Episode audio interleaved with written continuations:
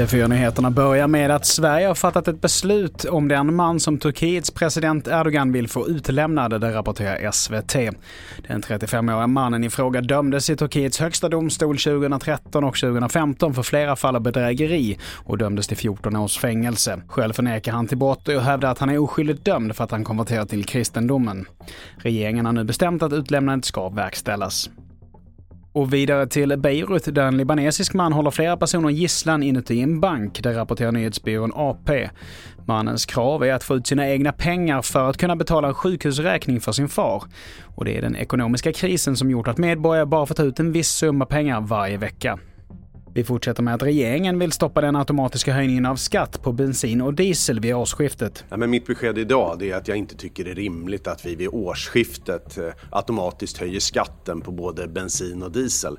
Så jag tycker att vi ska pausa indexeringen på bensin och diesel därför att det har varit väldigt höga priser i år och vi har haft hög inflation. Och i inslaget här så hörde vi Mikael Damberg, finansminister. Vidare till att ett 30-tal personer i Kina har smittats med en ny variant av Henipa-viruset. Eh, enligt kinesiska forskare har viruset spridits från djur till människa, men kan också smitta mellan människor. Baserat på studier som kommit fram så är viruset inte så farligt, men kunskaperna är bristfälliga, säger Ali Mirazimi som är virusforskare på Karolinska institutet.